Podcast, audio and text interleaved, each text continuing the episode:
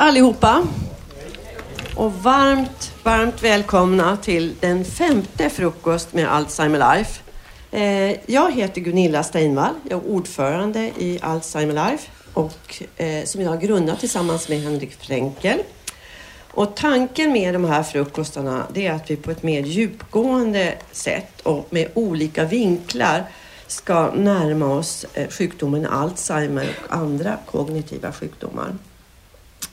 Och den här frukosten gör vi i samarbete med det svenska biofarmaföretaget eh, BioArctic och vi har också stöd från Biokapitol. Så jag ber därmed att få upp Henrik här på golvet och presentera dagens medverkande. The stage is yours.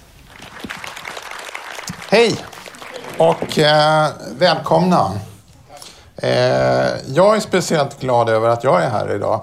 Eh, jag eh, höll på att missa flyget från Malaga igår och de hade stängt dörrarna. Eh, och skulle i princip taxa ut när jag kom beroende på lite olika orsaker. Och jag vädjade och vädjade och vädjade. I, I have a very, very important event tomorrow morning. och sådär. Eh, till slut så märkligt nog så öppnade de dörrarna och jag fick komma in. Jag kan tala om att mina medpassagerare inte såg så himla glada ut. Jag kom liksom en kvart efter det att alla andra hade satt sig. Och så. Eh, jag ska försöka att inte göra om det, men jag kan inte lova det. Ja, det var ett litet intro. Temat för det här samtalet är då Varför är det ingen som bryr sig? Vi ska prata om vad som händer precis efter det att man har fått diagnosen Alzheimer. Det är många som pratar om vården i senare skeden. Men vi på Alzheimer Life har varit, är väldigt eh, nyfikna och väldigt intresserade och faktiskt också rätt kritiska till vad som händer precis när man får diagnosen. Det är så här att patienter med cancer får allt stöd direkt. Och den som får diagnosen Alzheimer lämnas i stort sett i sticket. Och jag vet ju det här själv. Våren 2019 fick jag diagnosen trolig Alzheimer som ett år efteråt ändrades. Och sen precis nästan på dagen för ett år sedan så fick jag diagnosen spridd prostatacancer. Och skillnaden kunde inte vara större. Eh, jag fick, när jag, eh, efter min cancer, då fick jag en tydlig behandlingsplan med täta uppföljningar. Väldigt täta uppföljningar. Jag fick en kontaktsköterska som jag kunde ringa och det är ett telefonnummer som jag kan ringa till dygnet om. Även under helger. Och det har jag behövt eftersom jag tvingats läggas in på Karolinska flera gånger eh, akut. Men framför allt så behandlades jag som en medmänniska och inte bara som en obotlig sjukdom. Jag fick omedelbart en kurator som jag samtalar med en gång i månaden. Och eh, hon, det är en hon. Hon har varit min livlina eh, när jag varit eh, så ledsen så att jag inte har, ens har kunnat besvära Lena, eh, som jag bor ihop med, eller min familj. Och då har jag tänkt så här under det här året. Varför är det inte så här inom vården kring Alzheimer? Och eh, som tur är så händer det väldigt mycket på det här området. Och det är det vi ska ta fasta på. Det positiva kring vården kring eh, Alzheimer och framförallt när man har fått en färsk diagnos. Så det är det vi ska prata om. Hur många har varit med här förut? Ja, vad, vad bra, gamla bekanta. Ni vet ju då att eh, ett, att vi, eh, ni har möjlighet att ställa frågor.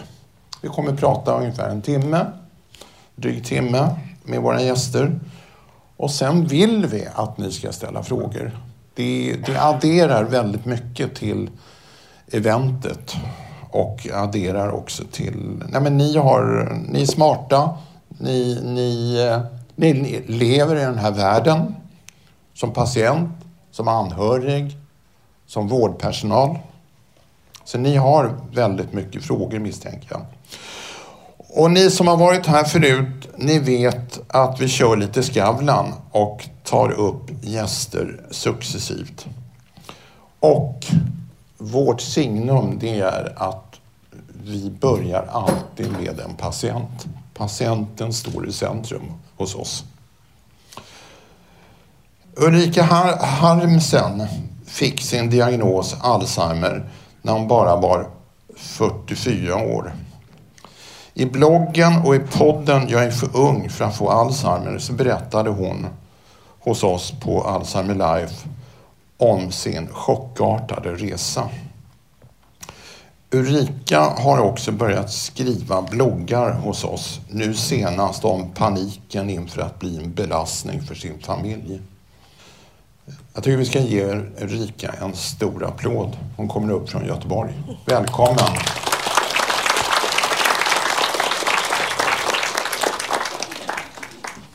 Hej! Hej! Du får ställa dig där. Här.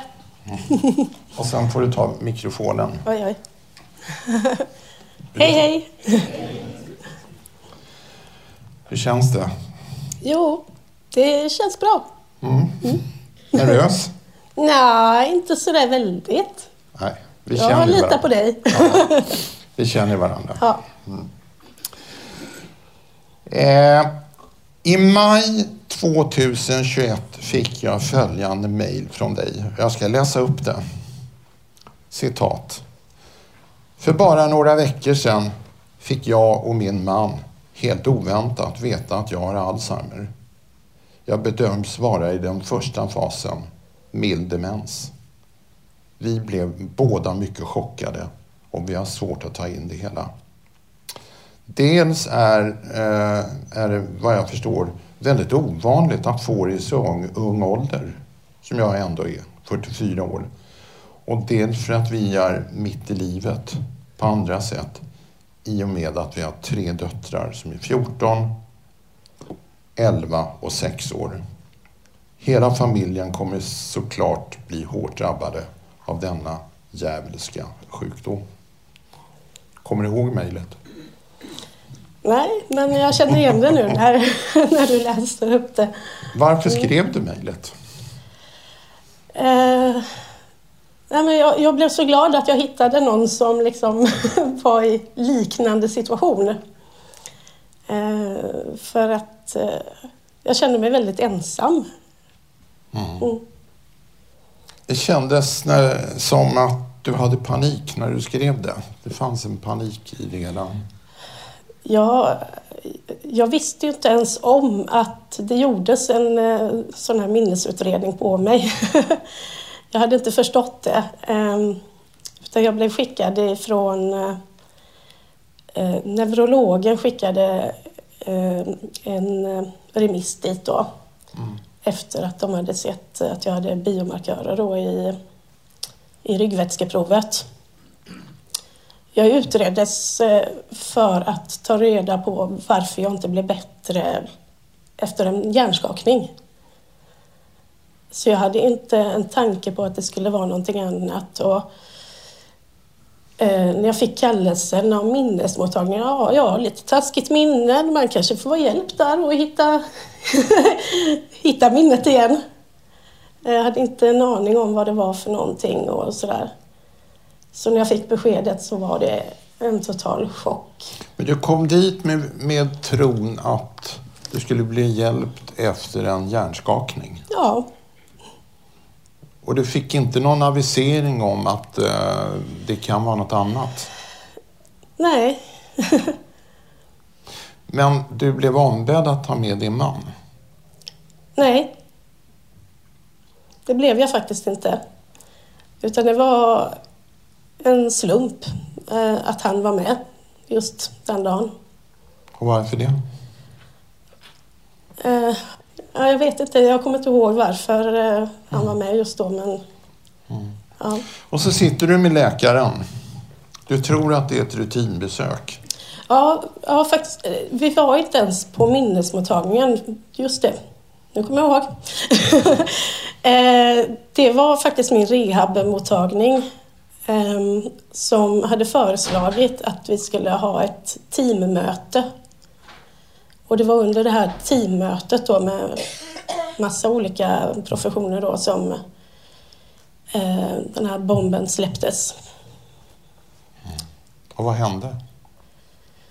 Med dig? Ja, jag... Jag, eh, jag blev alldeles kall i hela kroppen. Eh, och, och sen så blev jag arg och tänkte att nej, ni måste ha fel. Det kan inte vara så här. Och varför det? Varför tänkte du så? nej, för att eh, mina problem började efter den här hjärnskakningen. Och eh, jag hade inte haft några symptom innan eller så. Så att för mig var det självklart att mina problem beror på det. Eh, att min hjärntrötthet då, som jag hade fått efter hjärnskakningen. Så du började protestera där Ja, och argumentera Ja. att läkaren hade fel. ja. Eh, Och sen tyckte, de, tyckte du att du var för ung också. Man kan inte ha Alzheimer när man är 44 år. Nej, precis. Ehm, och sen så landade det väl på något sätt ändå. Men, men jag var i sån chock liksom så att det enda jag kunde fokusera på liksom, det var, jag hörde inte någonting vad de sa. Det, allting bara försvann.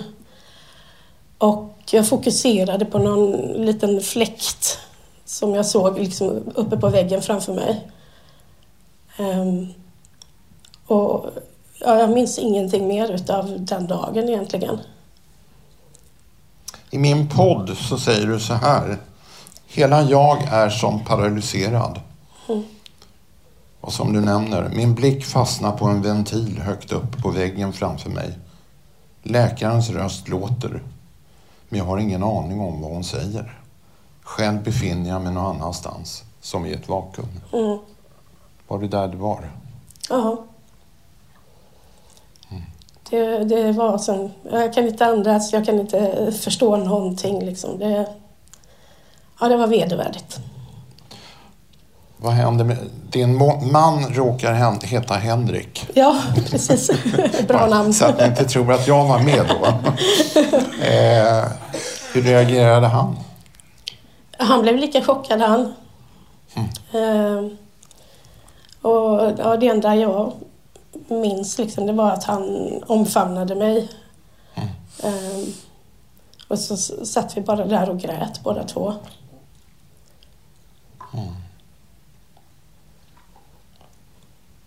Och vad hände sen? Ehm, sen så ja, gick vi hem och var, var helt... Ja, jag vet inte. Vi visste inte vad vi skulle ta oss till. Och sådär. Men sen så fick vi ett återbesök då på minnesmottagningen. Mm. Och eh, där fick vi möjlighet att ställa frågor och allt sånt där. Mm. Och vi fick också tipset utav läkaren där att eh, ni kan begära en second opinion. Så då eh, gjorde jag det Mm. och åkte ner och gjorde samma utredning nere i Malmö då. Mm. Och de kom ju fram till samma resultat tyvärr. Jag förstår att du hoppades att den skulle komma till en annan, ett annat resultat. Mm. Trodde du det?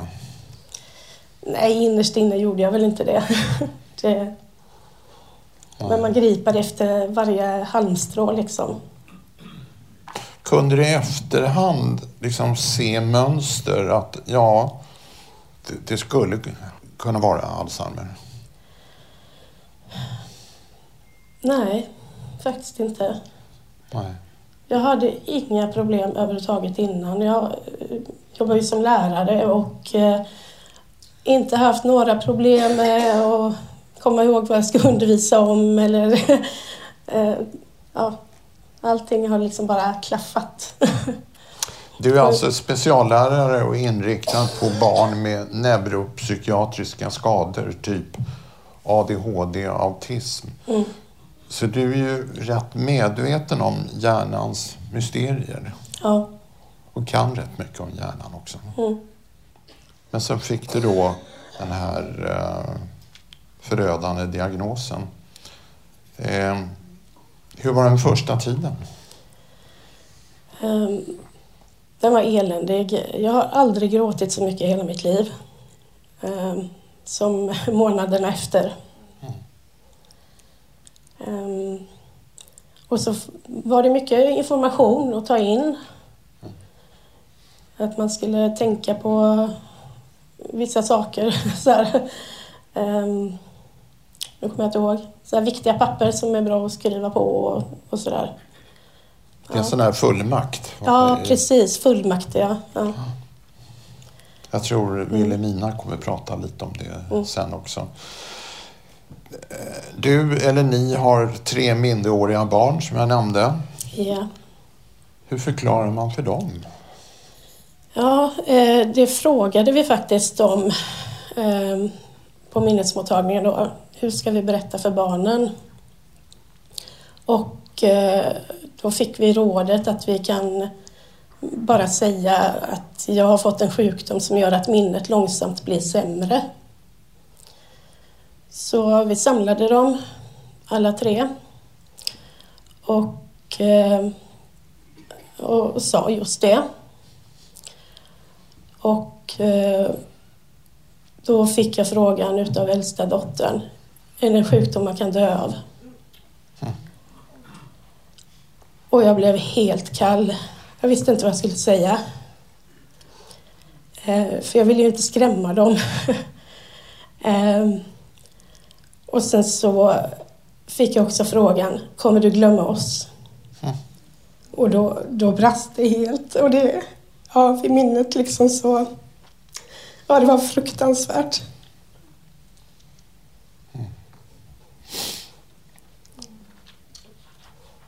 Hur, uh, hur har de tagit det efter det? Um, på lite olika sätt. mm. um, men nu, nu har vi ju landat allihop mm. på något sätt. Men, kan man landa? Ja, så mycket som går. um, alltså livet fortsätter ju. Man har inget val än, än att mm. bara resa sig upp igen och kämpa på så mycket man kan. Men jag hade självmordstankar rätt länge och sådär. Mm. Um, Vad fick du för stöd från sjukvården? Uh, jag fick faktiskt väldigt bra stöd. Mm. Det måste Skönt. jag säga. När, när det väl liksom... ja, den första katastrofen var liksom så... Vad var det så, för stöd du fick då? Uh, täta uh, besök hos läkare. Mm. En jättefin läkare väldigt empatisk. Hon har gått i pension nu, tyvärr. Mm. Men ja. Och vi fick, eh, min man och jag fick varsin kurator direkt också. Och eh, eh även psykolog eh, som jag träffar. Mm. Mm. Eh. Men, men det absolut största stödet egentligen jag fått är inom primärvården.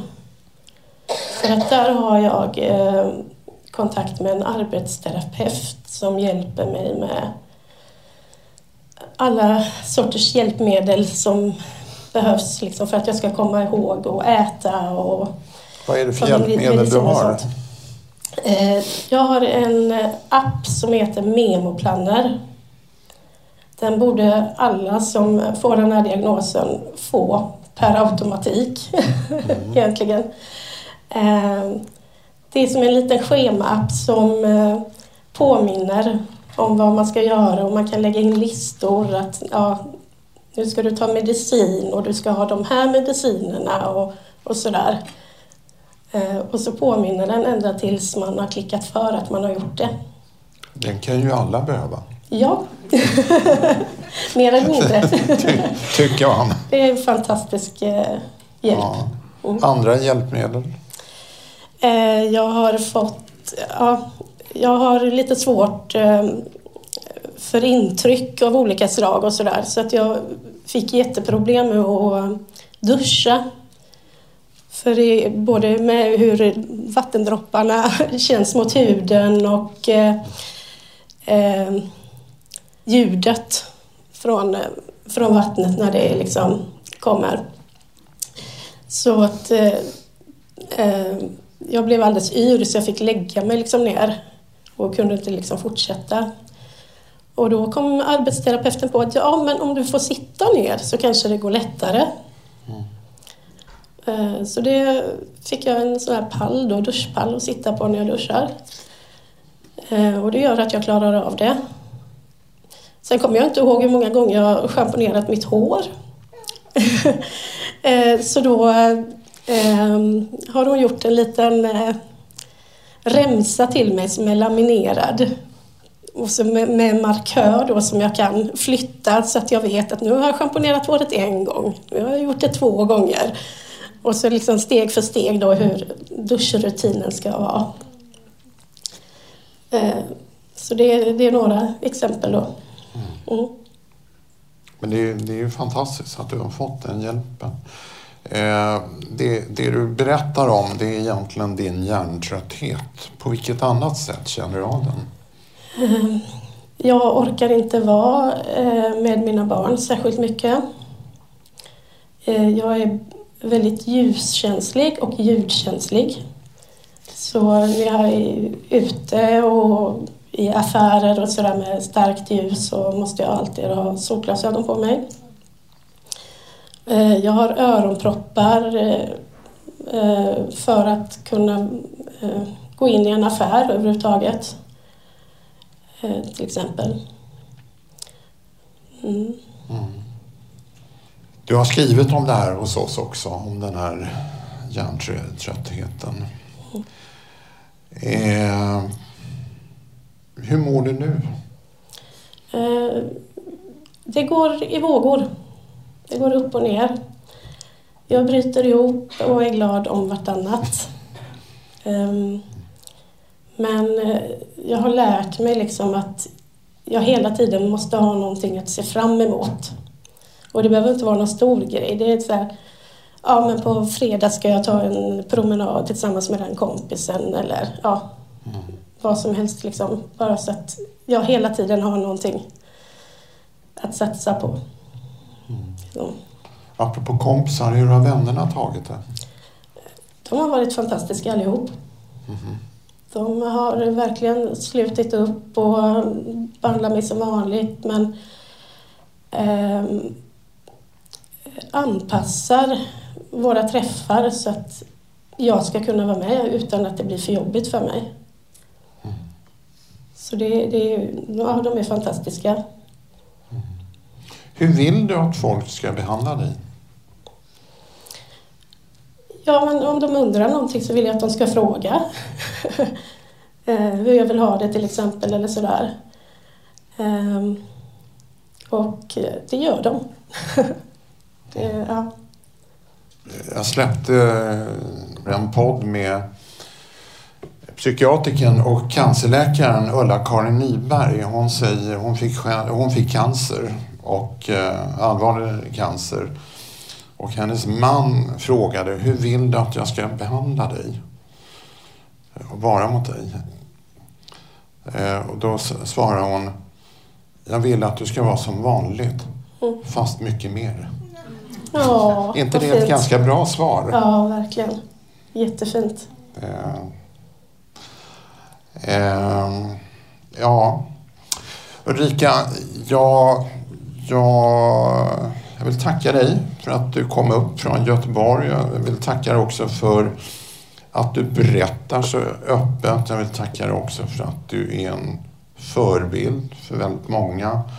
Och att eh, det du gör är så otroligt viktigt. Tack. Tack. En stor applåd. Du ska, få, du ska få en bok också. Jag vet inte, har, har du läst den här? Ja, det har jag gjort. Ja, den är jättebra. Ge den, ge den till någon annan som, ja. som behöver läsa den. Ja, tack så mycket. Okay. Och sen en sak. Alla ni som är drabbade på något sätt. Lägg inte någon skuld på er själva. Och försök vara ärliga med, med era nära och kära och berätta vad behöver ni för att må så bra som möjligt. För att alltså, de nära och kära, de vill verkligen att ni ska må så bra som bara går. Mm. Tack. En annan applåd. Du, du kommer få vara med, så att, uh, du får ställa dig där så länge. Du behöver inte ta mikrofonen än, utan du får hänga lite så här, lite, lite barhäng. Eh, vill, en bastu i Umbrien. Vi har pratat om Ni som var med på, på eh, frukosten förra gången. Ni fick träffa författaren och hans fru. Fantastisk bok. Har ni inte läst den så läs den. Eh, man gråter och skrattar och eh, blir glad och blir ledsen och allt på en gång. Vem har skrivit den? Han heter Thomas Bakokkoli och han är faktiskt också gästbloggare hos oss på Alzheimer Life. En fantastisk eh, skribent. Eh, jag pratade med honom i förra veckan. Den ska bli film. Så att, eh, ja. Då går vi vidare i programmet. Wilhelmina Hoffman är chef för både Silviahemmet och Svenskt Demenscentrum. Men det var först när hon själv drabbades av cancer som hon insåg skillnaden mellan vården av patienter med cancer och, och Alzheimer. Och då är frågan varför är det så? Eh, vi ska... Nu har jag blandat ihop alla mina, mina manus här också. Varför har jag blandat ihop dem då? Det spelar ingen roll. Eh, Wilhelmina Hoffman, kom upp nu. En applåd! Tack Ulrika. Och hej allesammans. Vad tänker du när du lyssnar på Ulrika? Eh, jag tycker först att det är fantastiskt att du är, kan berätta om det här. Precis som du säger, att det är viktigt för många att höra och dina råd är fina. Sen berättar du också det här med att du, ni har fått så fint stöd. Mm. Och det är precis så det ska vara. Men tyvärr är det så idag att alla får inte det här fina stödet. Det är många som saknar det, att få möjlighet att prata med en kurator eller oavsett ålder. Nu är du ju väldigt mm. ung. Väldigt ung, säger jag som är mycket äldre än du är. Nej, men det handlar ju också, även om man är, säg 70, 80, så kan man behöva stöd. Mm. I form av samtal. Känner du igen berättelsen? Jag känner inte igen, det är så här, det är väldigt unikt faktiskt, precis som du säger, att vara ung och drabbad som du är mm. av efter ett hjärntrauma som det är. Eh, så att eh, vi, via Silviahemmet så har vi ju väldigt många unga personer som är då mellan 40 och 65 och vi har ju skapat den dagverksamheten för att vi såg att det fanns ett behov. Men annars är ju de allra flesta är ju, är ju över faktiskt 80 år när man drabbas och har haft hela sitt liv och barnen är uppvuxna och allt det här. Mm. Mm. Eh, du hörde min inledning där jag jämförde mina egna erfarenheter om cancerdiagnos och eh, Alzheimer. Mm. Och du har ju liknande. Mm. Berätta. Ja, eh, först kan jag berätta då att jag är ju demensläkare och har varit det i väldigt, väldigt många år. Började som vårdbiträde på faktiskt på 80-talet, eller på 70-talet till och med. Så jag har varit mm. inne i det här området hela tiden.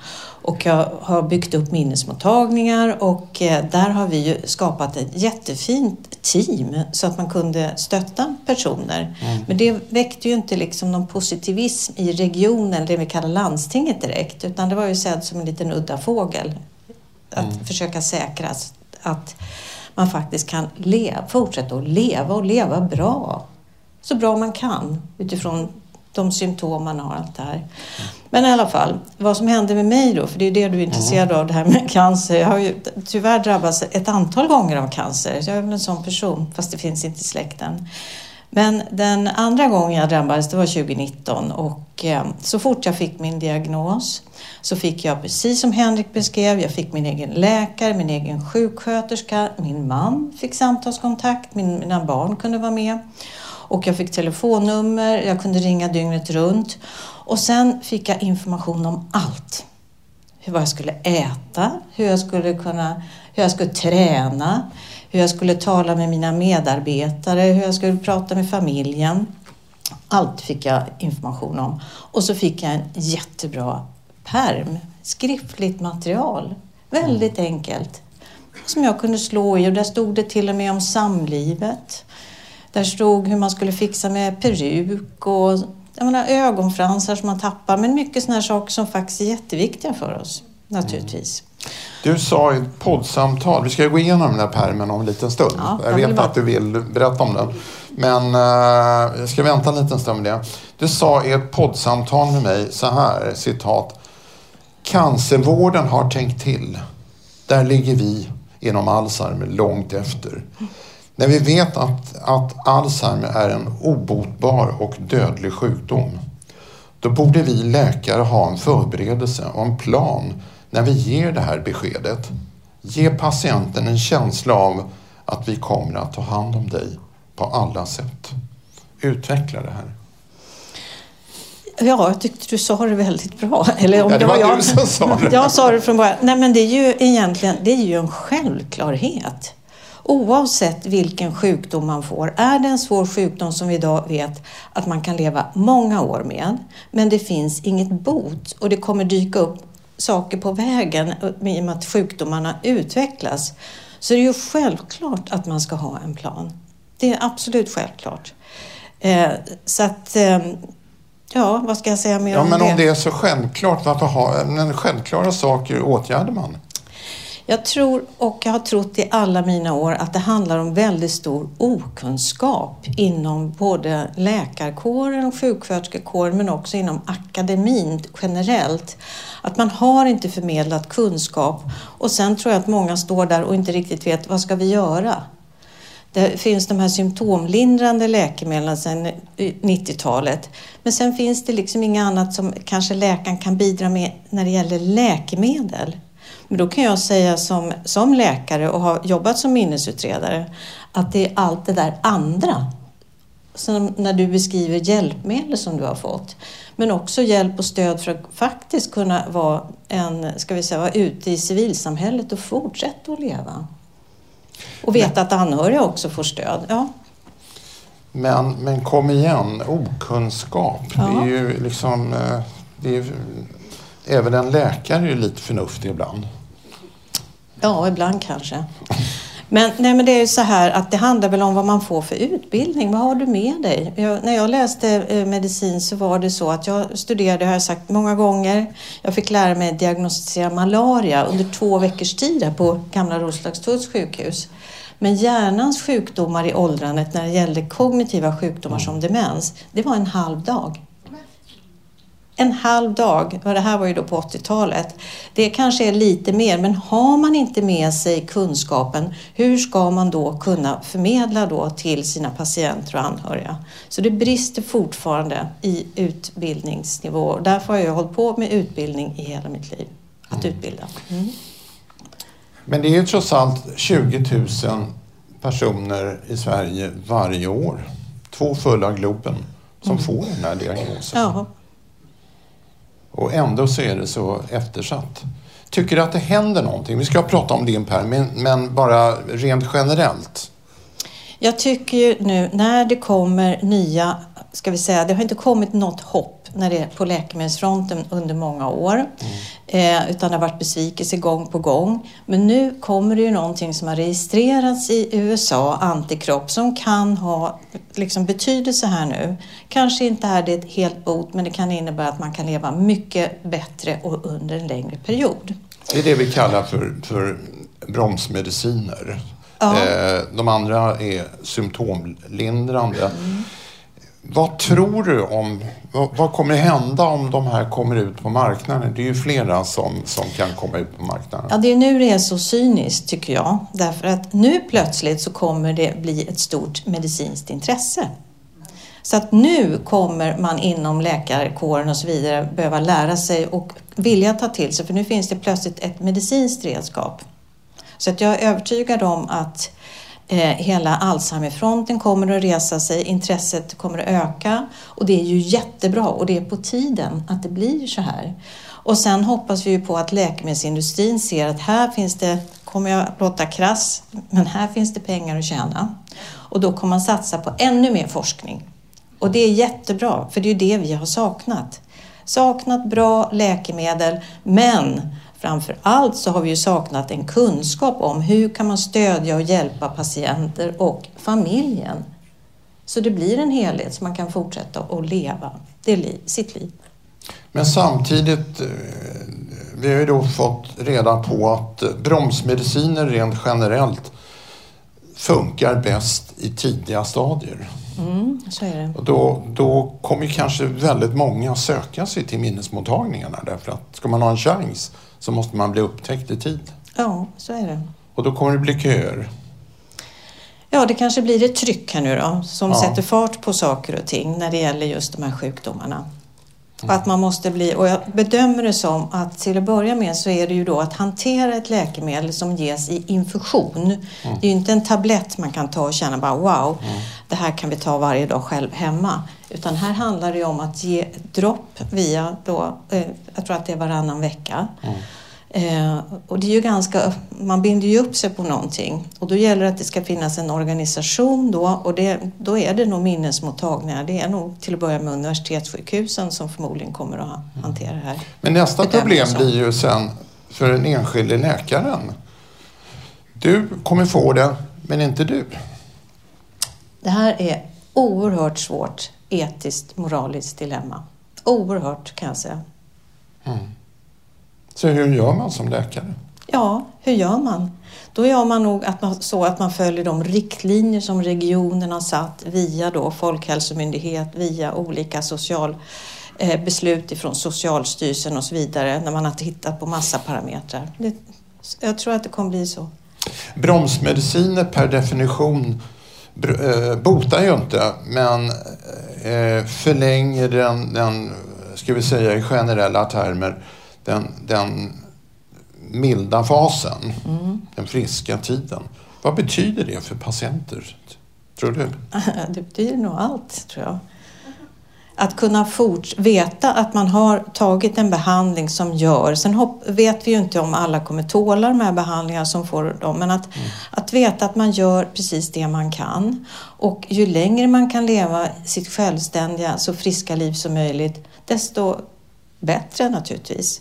Det finns ju den forskning som visar att kan vi skjuta då insjuknandet i, då när man kommer in i demensfasen, fem, kan man skjuta det fem år framåt i tiden så halverar man antal med sjukdom. Mm. För det är ju enormt många som faktiskt behöver omsorg och finns inom liksom, omsorgen idag. Mm. Så kan man, kan man skjuta på den sjuka tiden så sparar kommunerna pengar.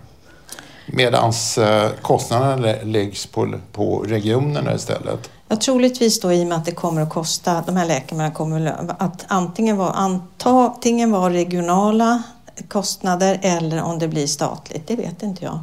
Mm. Ja. Men det, det, det är samma det, pengar, det är våra skattemedel. Men det händer väldigt mycket. Det, det är spännande. Äntligen kan man säga. Ja, äntligen efter mm. så många år. Mm. Nu ska du få berätta om, om din, din perm. Berätta om den. För den bygger på dina erfarenheter som cancerpatient. Ja, den bygger ju på framförallt mina erfarenheter som med, i mötet med personer med kognitiv sjukdom som demens och anhöriga genom väldigt, väldigt många år. Och eh, det handlar just om det här, vad, när man får sin diagnos, man hamnar i ett chocktillstånd, självklart. Precis som du beskriver, man hör man ser att någon pratar. Man kan inte ta till sig. Eh, hur, hur kan man då säkerställa att man liksom får den kunskap och information som finns? När jag jobbade som läkare i början då på 90-talet eh, det enda papper som fanns det var faktiskt från ett läkemedelsbolag när, som man kunde ge då till en patient som hade fått Alzheimers sjukdom. Och då var det om just det läkemedlet. Det var, en liten, ett blad bara. Så därför har vi startat Svenskt Demenscentrum som jag kommer ifrån då bland annat mm. Eh, för att ta fram allt det som man faktiskt behöver kunna förmedla. Och min perm kom ju då ifrån det här med att jag fick en perm med de här viktiga delarna. Och pärmen var inte riktad till min anhöriga, det var riktad till mig. Och det är på samma sätt som när man drabbas av en kognitiv sjukdom så är det ju min sjukdom. Och jag behöver få saklig information. Självklart är det vettigt också att anhöriga kan också ta del av den informationen men det är ju min sjukdom. Eh, så att då bestämde vi oss för på Svenskt Demenscentrum att jag skulle söka lite pengar, för det är ju så det går till. Så jag sökte pengar för att ta fram min perm till personer som just får en diagnos. Och den är riktad till personen. Och då är det viktigt, som jag ser det, att det inte ska vara något stigmatiserande. Inga vissna löv, ingen skruttig, skrynklig hjärna, utan mer saklig information. Och inte liksom se konstig ut. Och sen så hade vi då möten med jättemånga duktiga människor runt hela landet som fick berätta vad är det, vad är det patienterna behöver? Och vi frågade våra patienter vad är det man behöver ha kunskap om? Så att det blev tio flikar och det handlar både om eh, vad, vad ska jag göra nu? Livsstilsfaktorer, lite tips och råd om mat. Det handlar om att fortsätta vara aktiv. Och liksom vad, är, vad, är, vad kan man göra och ska fortsätta göra? Man ska leva sitt liv. Och sen så hur kan man tala med vänner och bekanta? Och är man ung, ska man säga upp sig eller ska man sjukskriva sig? Och du vet ju, man ska sjukskriva sig, eller hur? Mm. Fullmakter och sådana saker som kan vara viktigt att titta på. Och lite om hur man hanterar ja, praktiska tips i vardagen. Och sen längst bak så finns det en flik som heter min flik då, i min perm. Och här, den här fliken är till för här ska man sätta in den här vårdplanen. Som man inte får? Nej, men det är ju det, det, är det här som är det fiffiga här tycker jag. Det är därför man... din flik är så tom där. Nej då. Ja, än så länge. Men i alla fall, eh, här kan man då sätta in att man kan begära sin vårdplan. Att man får in namnen på sjuksköterskan, biståndshandläggaren, doktorn, uppföljningar och allting. Och sen att man kan ploppa in sina mediciner också, för det är viktigt att ha koll på saker och ting. För det är en av sakerna just vid eh, kognitiv sjukdom, att det, kan, det gäller att ha ordning, hitta rutiner. Och sen har vi då lagt in, för det här, här tyckte jag var väldigt viktigt. Jag vet att det här är jättefånigt, men det är en plastficka som ingår med ett lock så man kan stoppa ner lösa blad och grejer. Och här är också tillsammans med Finger Brain Health Institute en broschyr om, om bra mat för hjärnan. Mm. Så all den kunskap. Och sen finns det en extra flik också för andra papper. Jag säga Väldigt enkelt. Att jag eh, fick min första diagnos så berättade min läkare faktiskt rätt mycket av, jag misstänker, det som står i din pärm. Hur mycket tror du att jag kommer ihåg efteråt? Noll. Nej. Noll. Uh, så att det är ju det är helt rätt tänkt. Men det hjälper ju ingen att pärmen ligger här. Den måste ju ut. Mm. Och mm. vad händer? Vad som händer just nu är att vi har skickat ut pärmen. Jag har ju sökt pengar för att kunna sprida ganska många och sen följer vi, har vi tagit in eh, lite input för att se ska vi, hur ska vi revidera, för det här blir ju en levande organism. Alla sidor, det finns inga bilder eller något sånt där, utan det är text bara. Så att vi kan justera på hemsidan så man kan ta sin egen perm. Man kan gå hem redan idag, ta en vanlig perm, skriva ut alla sidor för de ligger på Svensk Demenscentrums hemsida som under min perm. Och så kan man ladda sin egen perm, köpa ett trevligt register med bra färger och lite plastfickor. Svårare än så ska det inte kunna vara, eller ska det inte vara. Och nu börjar då, eh, det är ju så här att snart kommer du tala med Maria Cavalli också, mm, mm. som jobbar med en, det här är ju en analog form. Mm. Väldigt konkret. Det är ju lite mm. grann som, jag är praktikern verkligen. Mm, mm. Och snart kommer Maria Cavalli med ett, ytterligare ett komplement till det här stadiet och det är ju Alzheimerguiden som är digital. Så det här blir ju ett fantastiskt bra komplement så att vi hoppas ju kunna jobba tillsammans då för att säkerställa att regionerna köper in det här. Mm. Och jag skulle om jag var primärvårdsläkare eller husläkare vara jätteglad om jag faktiskt kunde säga så här, okej, okay, vi har ett återbesök om två veckor, vi bokar, vi hör av oss till dig. Men här så länge har du en perm där du kan titta i den. Tänk, fundera och så kommer du med frågor. Skriv gärna ner dem här i pärmen också. Jag tycker du ska ge Maria första exet.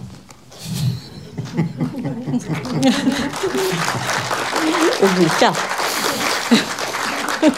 tack, tack Wilhelmina. Du sa att du hade sex ex till, eller fem ex till? Eller? Ja, jag har det. Ja. Så att det var, om det var någon som kände att Nej, men den där vill jag ha. Ja, jag tror ingen vill ha den. Jo, absolut. Kom, kom fram till Wilhelmina efteråt. Ja. Tack Wilhelmina för det fina initiativet. En applåd. Du får också ställa dig där. Ja. Och eh, Maria, Maria Cavalli som vi nämnde är en av grundarna till den helt nya digitala eh, Alzheimerguiden. Och det är just nu den enda samlade plattformen för nydiagnostiserade svenskar eh, på nätet eh, för en bred information om sjukdomen. Välkommen Maria! En applåd!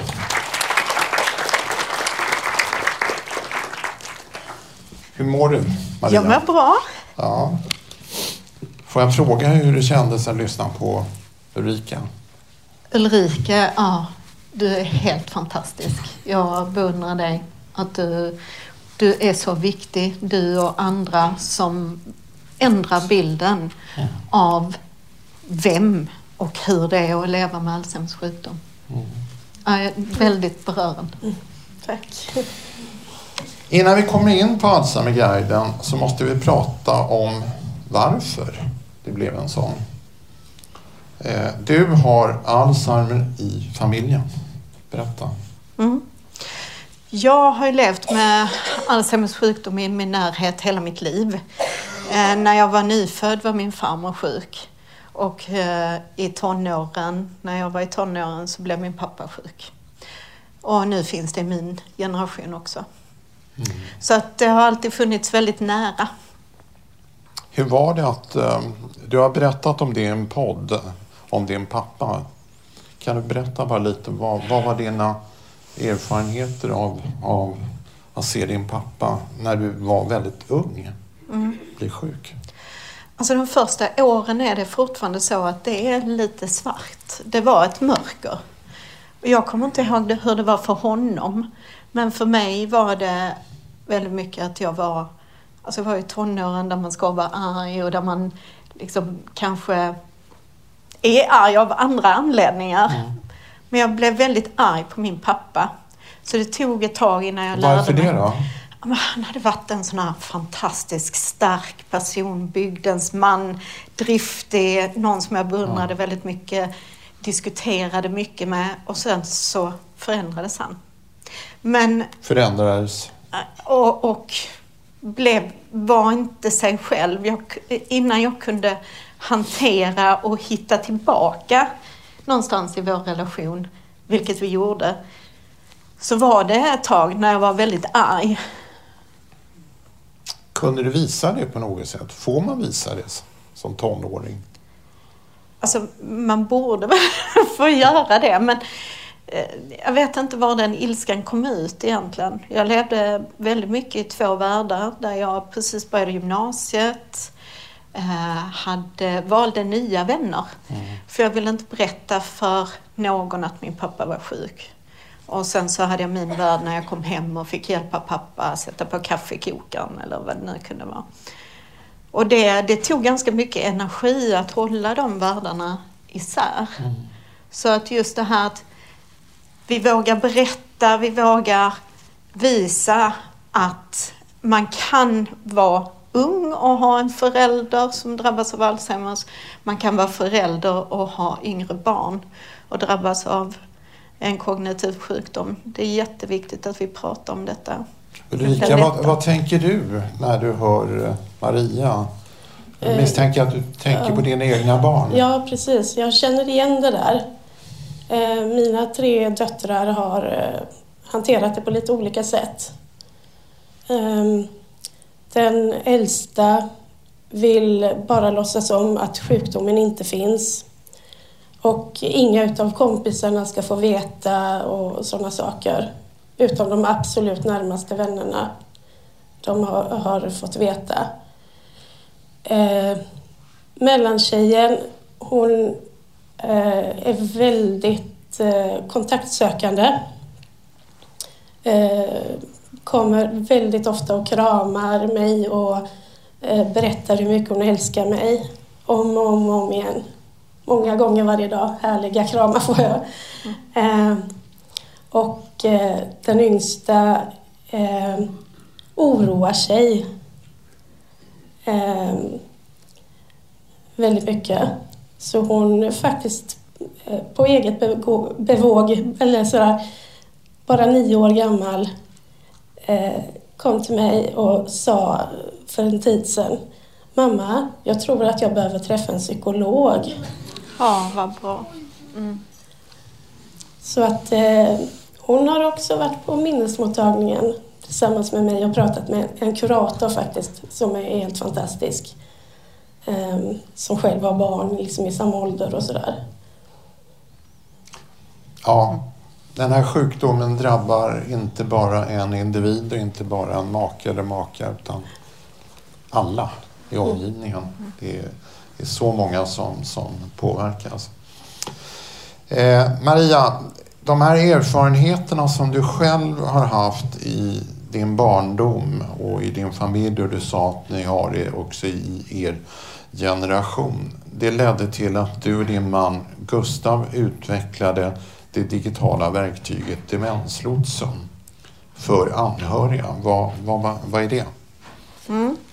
Det var föregångaren Det var föregångaren till Alzheimerguiden. Så vi jobbar då både med anhörigstöd och stöd till den som är sjuk. Eh, vi började, alltså jag har ju turen att eh, hitta en fantastisk man, eller om han hittade mig. Jag håller med. ja. Och han eh, är webbutvecklare i botten, så han lärde sig hur man bygger Facebook innan Facebook byggdes. Mm. Så det var ju synd att vi inte byggde Facebook. Men, eh, men, så att vi startade redan 2008 med att utveckla ett stöd som heter En bra plats. Det är ett anhörigstöd som finns i cirka 30 kommuner. Ett mm. digitalt anhörigstöd. Eh, och det jobbade vi med i nästan 10 år. Och Eh, vi jobbar fortfarande med det. Men vi insåg att vi behöver någonting extra för er som är anhöriga till en person med en kognitiv sjukdom. Så just det här att det händer mycket under många år. Man är ofta väldigt stressad. Man har svårt att ta till sig information. De som jobbar ute i kommunerna och ute i sjukvården säger att vi har gett den här informationen många, många gånger. Så då tog vi fram en idé om ett digitalt anhörigstöd som slussar ut information under resans gång. Och det är Demenslotsen. Det är Demenslotsen. Mm. Och eh, när jag började blogga så, så hörde du av dig till mig. Eh, och så började vi mejla till varandra och sen så funderade vi på i våra mejl varför är all information inriktad på de anhöriga och inte på patienterna? Varför blir patienterna omyndigförklarade bara för att man har en sjukdom? Och det blev upptakten till det digitala verktyget Alzheimerguiden. Berätta lite mer om liksom, hur, det, hur det utvecklas. Jag ska börja med att säga också att när vi lanserade Demenslotsen redan då 2018 mm. Så kom det flera samtal, eh, telefonsamtal från eh, personer som sa men det här är för anhöriga. Finns inte det här stödet för mig? Det är precis det här jag behöver, att få information som är kvalitetssäkrad, som slussas ut under tid och kommer när jag behöver den. Och det, det var jätteviktigt för oss att få med en partner i det här som hade patientfokus. Och det var därför Alzheimer Life och eh, hela er rörelse och stiftelse eh, har varit viktiga i detta. Så arbetet, det praktiska arbetet med guiden startade med en, ett blogginlägg utav dig Henrik, när du efterlyste patienters erfarenheter. Och då kopplade vi det blogginlägget till en enkät som vi har fått in under eh, ett år, mer än 50-tal enkäter från patienter. Utifrån det så har vi också haft fokusgrupper, digitala fick det bli, för det här var under pandemin. Man kan ju inte bara lägga ner. Med Utan patienter, med paci- bara patienter. Bara patienter. Fokusgrupper bara med patienter. Och vad frågan är där, vad behöver ni? Ja. Vad behöver du? Ja. Det, det är den centrala frågan. Vad är ditt behov? Vad mår du bra av? Och vi har också frågat, självklart så har vi frågat vad, eh, vad man fick också. Och det är ju, men det viktiga är fokus framåt. Vad behöver du? Och vad mår du bra av? Och sen utvecklade ni, där, det var du och, och Gustav, din man, Mm. som utvecklade det här eh, tillsammans eh, och med patienter, med anhöriga och med läkare. Precis, för det viktiga är ju att fråga individerna, vad behöver du? Men sen har vi också adderat olika andra lager. Vi har haft fokusgrupper då med anhöriga också. Vi har haft fokusgrupper med medarbetare inom, eh, som läkare, arbetsterapeuter, fysioterapeuter, sjuksköterskor. De som ser ett annat perspektiv. Eh, så att de har fått addera, men fokus är patientens behov. Och sen så hade vi en bra digital grund att stå på. Men under utvecklingsarbetet så har vi utvecklat framförallt med en re- referensgrupp med fyra stycken kvinnor som alla har Alzheimers sjukdom. Som har fått eh, bidra till den här digitala plattformen med olika saker. Som exempelvis så vill man ju läsa olika... eh, Du kanske vill läsa långa texter. Någon som har fått sin diagnos för ett tag sedan kanske inte är så bekväm med det. Så en sån sak som har kommit utifrån att vi har arbetat nära tillsammans med fyra fantastiska kvinnor. Det är just det här att man kan anpassa i stödet så kan man anpassa längden på texterna. Så guiden är en individanpassad guide. Och du nämnde vården. Moa Wibom på Ängel, Ängelholms sjukhus som numera är världskänd i Fråga doktorn. eh, har varit med och utvecklat det. Ja, absolut. Hon, eh, hon är ju en fantastisk eh, styrka att ha med sig ett sånt ut- utvecklingsarbete. Eh, Hon har bland annat, utöver att stötta arbetet och, och vara behjälplig att hålla i olika, vara med på olika workshops och liknande, så har hon ju utvecklat den kognitiva skolan som är, eh, jag tror det är 11 korta filmer som förklarar eh, sjukdomen på ett bra sätt. Eh, och också ger tips och råd. Eh, exempelvis har vi en film där hon berättar då som tips till en förälder hur man kan tänka. Är det någon som var med här när Moa var med på en frukost? Man glömmer inte Moa. Nej, men hon, hon är en, hon är en Nej. lysande Ja. pedagog. Men okej då, shoot. Vad, vi, jag tror vi har en bild på de olika delarna. Just det. Mm. Berätta lite om guiden rent praktiskt. Ja, det stora, det man önskar är ju det som ni har pratat om här också. Stöd till att leva livet. Eh, så det är det centrala. Det, eh, Alzheimerguiden innehåller då olika artiklar eh, som det viktigaste skulle jag säga är att kunna ta del av andras erfarenheter. Som ditt duschtips. Fantastiskt. Alltså för att, att få läsa om hur har andra känt och upplevt, hur har andra gjort? Mm. Att få känna sig mindre ensam om sin situation. Mm. Det är en otroligt viktig del i guiden. Att få läsa hur andra har berättat för sina barn eller hur man resonerar när livet känns som det går upp och ner i sjukdomen. Mm. Det är jätteviktigt. Mm. Så det är en central del. Ja. Och här har vi också knutit, eh, vi har samlat in erfarenheter under årets gång när vi har jobbat med guiden, gjort olika intervjuer.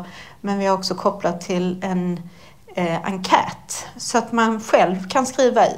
Det är det stora nu. Jag hoppas och önskar att det kommer in massor med erfarenheter från andra Hur där man kan dela med sig. Ja. Guiden. ja. Alltså och. en, en erfarenhetsbank. Tips och råd från andra. Hälsa, livsstil står det här. Samhällets tjänst, tjänster. Mm. Ekonomi, juridik. Är det viktigt? Ja men absolut. Att, att få praktiska råd och det har ju min perm också kring vad ska man göra nu? Vad kan man göra för att förbereda sig och förenkla för sig själv och sin familj? Det är jätteviktigt så att man kanske kan lägga bort sånt sen och kunna, som vissa utav eh, de som vi har kontakt med säger, kunna fokusera på att leva livet och njuta utav vardagen. Så det är jätteviktigt. Men Relationer? Hälsa, ja, förlåt mig. Du... Nej, men hälsa och livsstil, där har vi ju såklart eh, intervjuer med bland annat professor eh, Mia Kivipelto.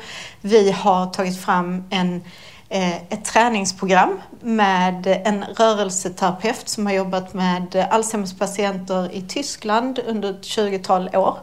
Hon eh, har filmat en serie filmer där hon beskriver vad man kan göra för att må bättre. Mm. Så det är så här, konkreta saker, men den som vill kan läsa djupare och det är forskningsbaserade råd. Då. Och sen relationer. Mm. Ja, berätta.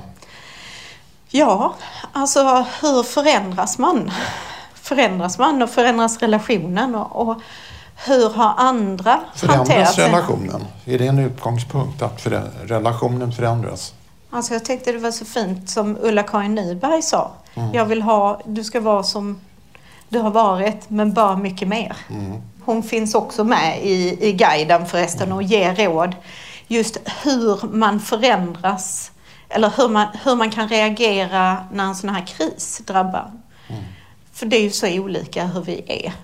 Men eh, jag tror det viktiga är att man tillsammans får kunskap om sjukdomen och hur den påverkar. Ehm, då kanske det inte behöver förändras så mycket. Vi har en jättefin artikelserie med en arbetsterapeut eh, som beskriver hur man kan hitta nya aktiviteter tillsammans. Mm. Så att eh, det är viktigt att få sådana råd och det är viktigt att fundera över såklart. Mm. Den här ligger ute nu?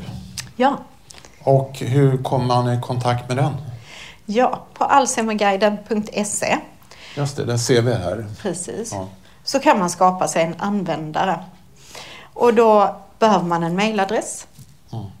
Och sen så får man då i eh, nästa steg när man kommer en bit in i guiden får man säga vilken ålder man är och hur man lever sitt liv. Om man lever med någon om man har barn, om man har hemmavarande barn.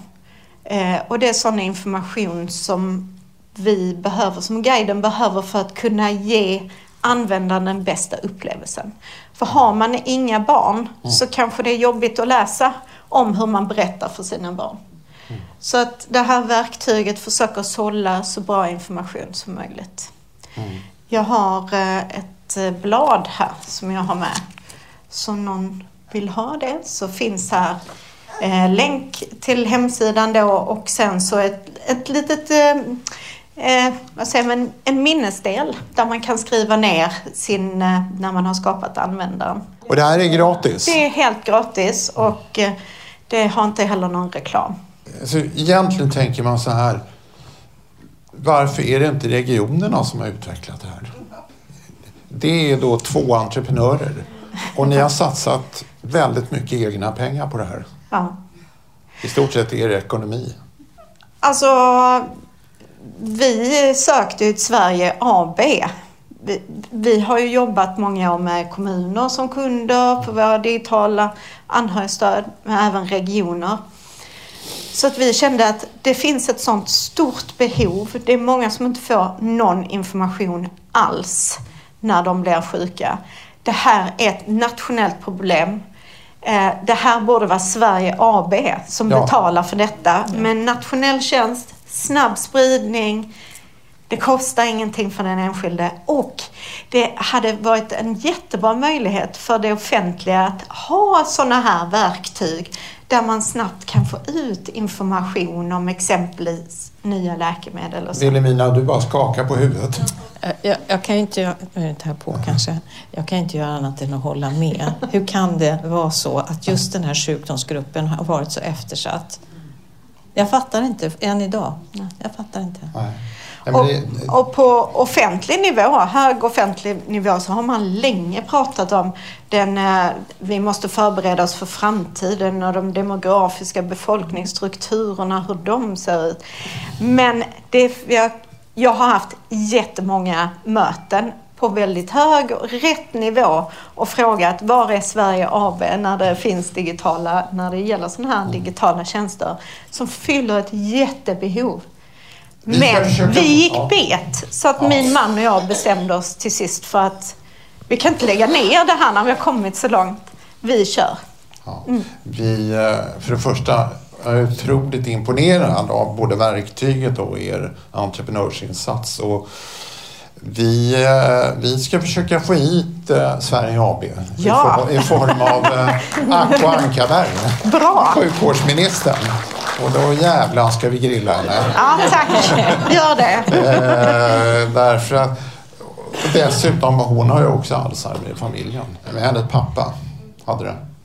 Eh, och, och eh, det finns en podd med henne också innan hon blev minister på Alzheimer Life där hon berättar väldigt öppet om det här. Så att hon har Alzheimer i blodet kan man säga. Eh, på, på olika sätt. Nej, men det vi alla kan göra. Jag tycker det här är en sån fantastisk insats. Eh, Jag hade eh, velat ha det här när jag kastade mig ut på nätet och mötte den ena skräckhistorien efter den andra. Eh, Det vi alla kan göra det är bara sprid kunskapen om både min perm, det vill säga går ni till läkaren, kräv min perm. Och eh, säg till läkaren också att, eh, att eh, och sprid information om Alzheimerguiden. Det är så... Alltså jag tror på det där med att skapa ett tryck underifrån. Ett patienttryck. Då kommer inte det offentliga att kunna stå emot det. Nej. Nu finns det någonting som är bra att känna till här. Det finns någonting som heter patientkontrakt. Det är en ganska ny, eh, nytt påfund.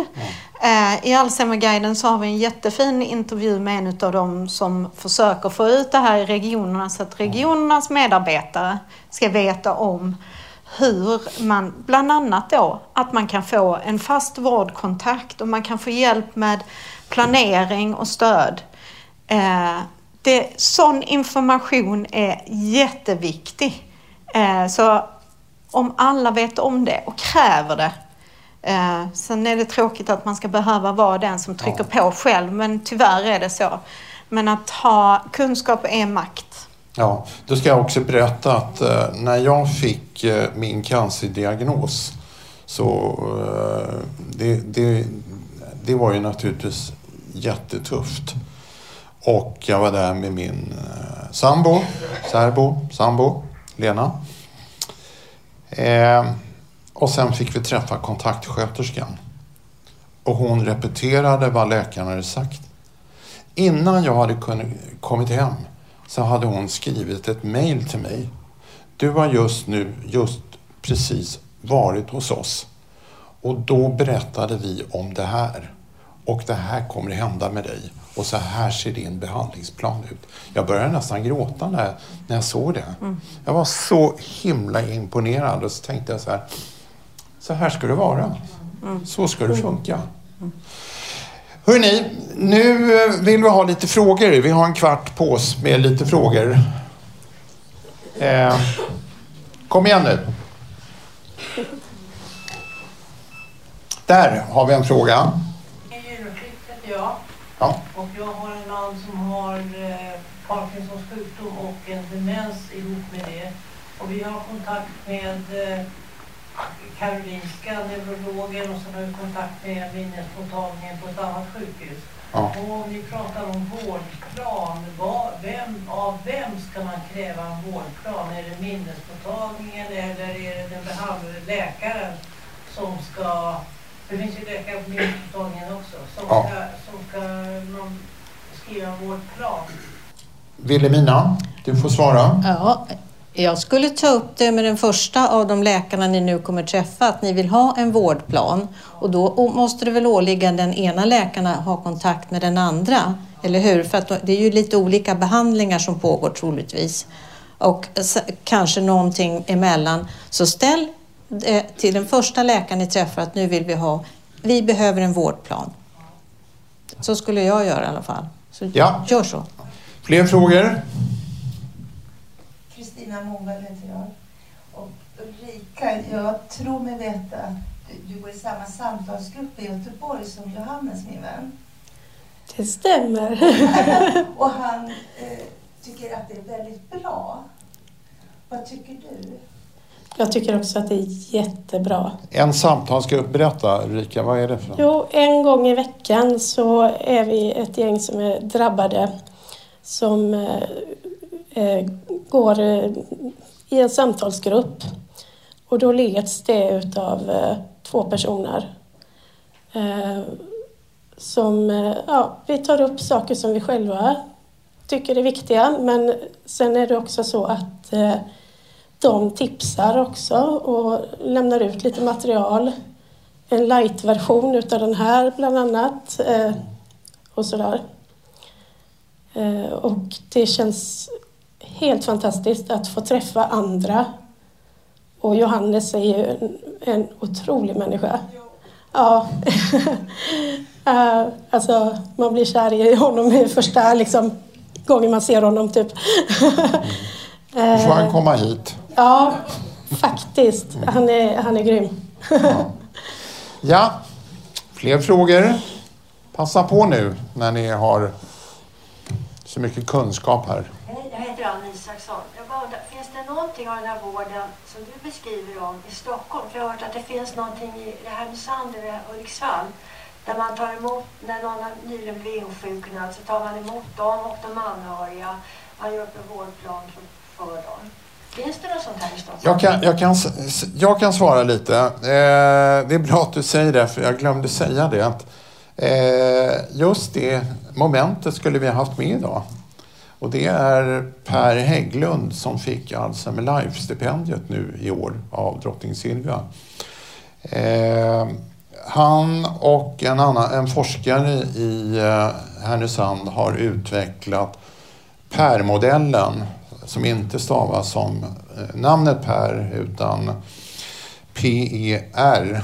Och den, eh, det, det, det är en modell som man har utarbetat med stöd av kommunen att ta hand om alla nydiagnostiserade i kommunen och sätta dem i samtalsgrupper från, från första början, i princip från dag ett. Eh, en samtalsgrupp som innehåller patient och anhörig. Sen separeras patienterna och de anhöriga. De anhöriga får eh, prata med varandra, patienterna får prata med, med varandra. Och det där har utvärderats och forskas på nu också och det kostar kommunen, tror jag, 18 000 per år per patient. Men man har kommit fram till att man sparar så otroligt det, det, är min... Eh, är det diabetes? Ja, precis. Den saknar mig. Ja, den saknar dig. Ja. Eh, Men patienten behöver inte klara sig längre hemma. Eh, är mindre orolig, behöver inte söka upp eh, eh, primärvården och liknande. De tar hand om patienten omedelbart. Och det var det vi eh, gillade med, eh, med den modellen. Det var därför vi, vi eh, eh, belönade den. Eh, och tyvärr så är eh, Per Hägglund ringde sig sjuk igår. Men vi ska se om vi kan ta hit honom en annan gång. Det är en otroligt spännande modell som funkar. Och han fick pengarna för att kunna åka runt i Sverige och implementera den här modellen.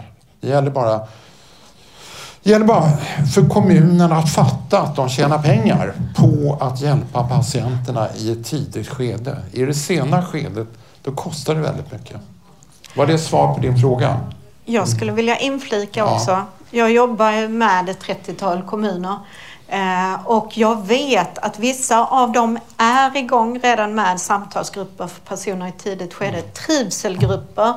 Eh, och andra planerar för att starta. Demensförbundet har ett jättefint samtalsmaterial. Mm. Andra eh, kör utifrån behov. Så om du känner att du behöver ta kontakt med din kommun. De kanske inte vet om att du finns. Mm. Eller de vet om att du finns, att du är medborgare, men att du har de behoven av att träffa andra. Så att, och jag vet flera kommuner som faktiskt har startat igånggrupper för att de fick samtal. Så att, um, Wilhelmina, du har greppat mikrofonen. Vill ja, säga något? Nej, men jag tänker så här, det är tillräckligt svårt som det är när man är drabbad av kognitiv sjukdom, både drabbad själv men också med familjen. Mm. Att det är så mycket som man måste ta reda på själv. Men det gäller ju det här, hitta former, ställ frågorna. Och det här att vara med i en samtalsgrupp kan innebära så oerhört mycket. Både för den som är sjuk själv, som du berättar Ulrika, men också för anhöriga. Så att ställ frågan, var kan jag få en samtal? Och ge inte upp. Det finns också lokala demensföreningar, det finns Demensförbundet. Vi har, via Silviahemmet nu så har vi ju finansierat upp en del grupper därför att vi såg att det fanns inte. Och tänkte att det här är bättre att lägga pengar på det här än på någon annons eller någonting. Mm, mm. Eh, men ställ krav, jag säger det. Mm. Oavsett vad det är nu. Det finns svar och det finns möjligheter. Och funkar det inte, gå till lokaltidningen. Då händer det något. Mm. Jag lovar. Eh, ja, en fråga. Gunilla Samuelsson heter jag. Eh, vi i Sollentuna kommun håller på att stånga oss blodiga för den här skillnaden mellan LSS, där man får en, en demenssjukdom som ung, och, eh, eller om man tillhör SOL. För att i sol, Stockholm, vad, vad är SOL? Det är väl socialtjänstlagen. socialtjänstlagen ja, okay. Bor man i Stockholms kommun så får man LSS automatiskt. Mm. Men i Sollentuna, där får vi betala för allt. Vi får betala för dagverksamhet. Alltså, och vi håller på och jobbar med kommunen. Men alltså, det här tar väldigt mycket på oss anhöriga. Mm. Mm. Hur kan vi få hjälp med det här? Och hur kan man tolka lagen på så olika sätt? Undrar vi. Maria, ska du svara?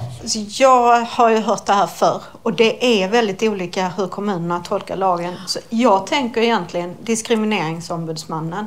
För det får inte vara så här olika. Det har också kommit eh, nya riktlinjer kopplat till LSS och jag vet inte om det kan ha varit ett förtydligande. Det finns på Socialstyrelsens hemsida ett meddelandeblad som har gått ut precis till myndighetsavdelningar och så. Eh, men diskrimineringsombudsmannen, hur man kan tolka lagar olika. Men som de gör i Sollentuna nu, det är att man får hem en biståndshandläggare från LSS som ska intervjua den här personen. Och det tycker jag är att slå ner på den personen. Att eh, liksom, men om jag säger så här att man har ju alltid sagt att de här kognitiva sjukdomarna, demenssjukdomarna, det är förvärvad hjärnskada och tillhör då något som heter personkrets 3 som är är det personkrets 2 nu? Ja.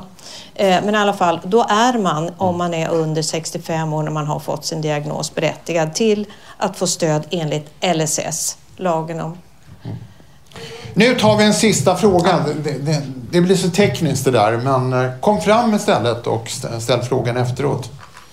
Eh, en sista fråga. Jag har en kommentar. Eh, ja, med... Kalle heter jag, bor i Sollentuna. Hade F samma problem. Efternamn? Herlin. Ja. Eh, fick diagnos i mars. Eh, och eh, min driftiga fru har pratat med kommunen och till slut så har jag fått inskrivet i, från läkaren att jag tillhör personkrets 2. Och nu har de bytt handläggare så att nu får vi igenom det som vi vill. Så att eh, jag skulle säga hänvisa till det och prova igen. Ja. Nej, vi tar det. Ni vet var, var ni finns. Så får ni, får ni, får ni pra, prata med varandra. Henrik, får jag göra ja. reklam för en sak bara? Ja! nu när jag ändå står här. Ja. Jo, eh, ni som jobbar, eh, ni som är medarbetare och är här eller lyssnar på podden. Eh, ni som möter Ulrika och andra unga som har barn. Jag skulle vilja tipsa er om att gå in på eh, ett nätverk som heter Snua.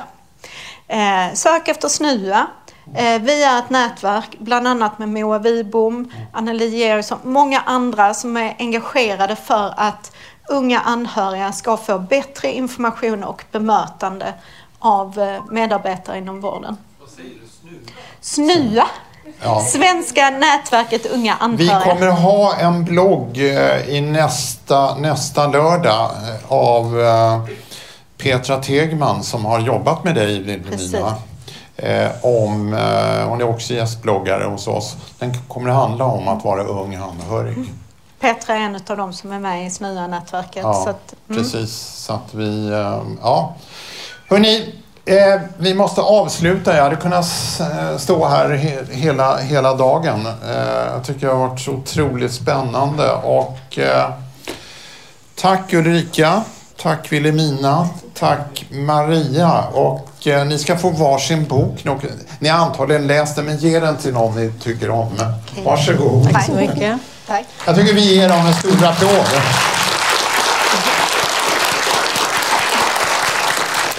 Och tack för att ni kom och eh, vi siktar på, vi har en preliminär ny eh, frukost tror jag den 24 april. Men håll utkik så får ni reda på vad det kommer att handla om och så vidare. Vi, vi vet inte riktigt. Eventuellt kommer det handla om forskning, kanske.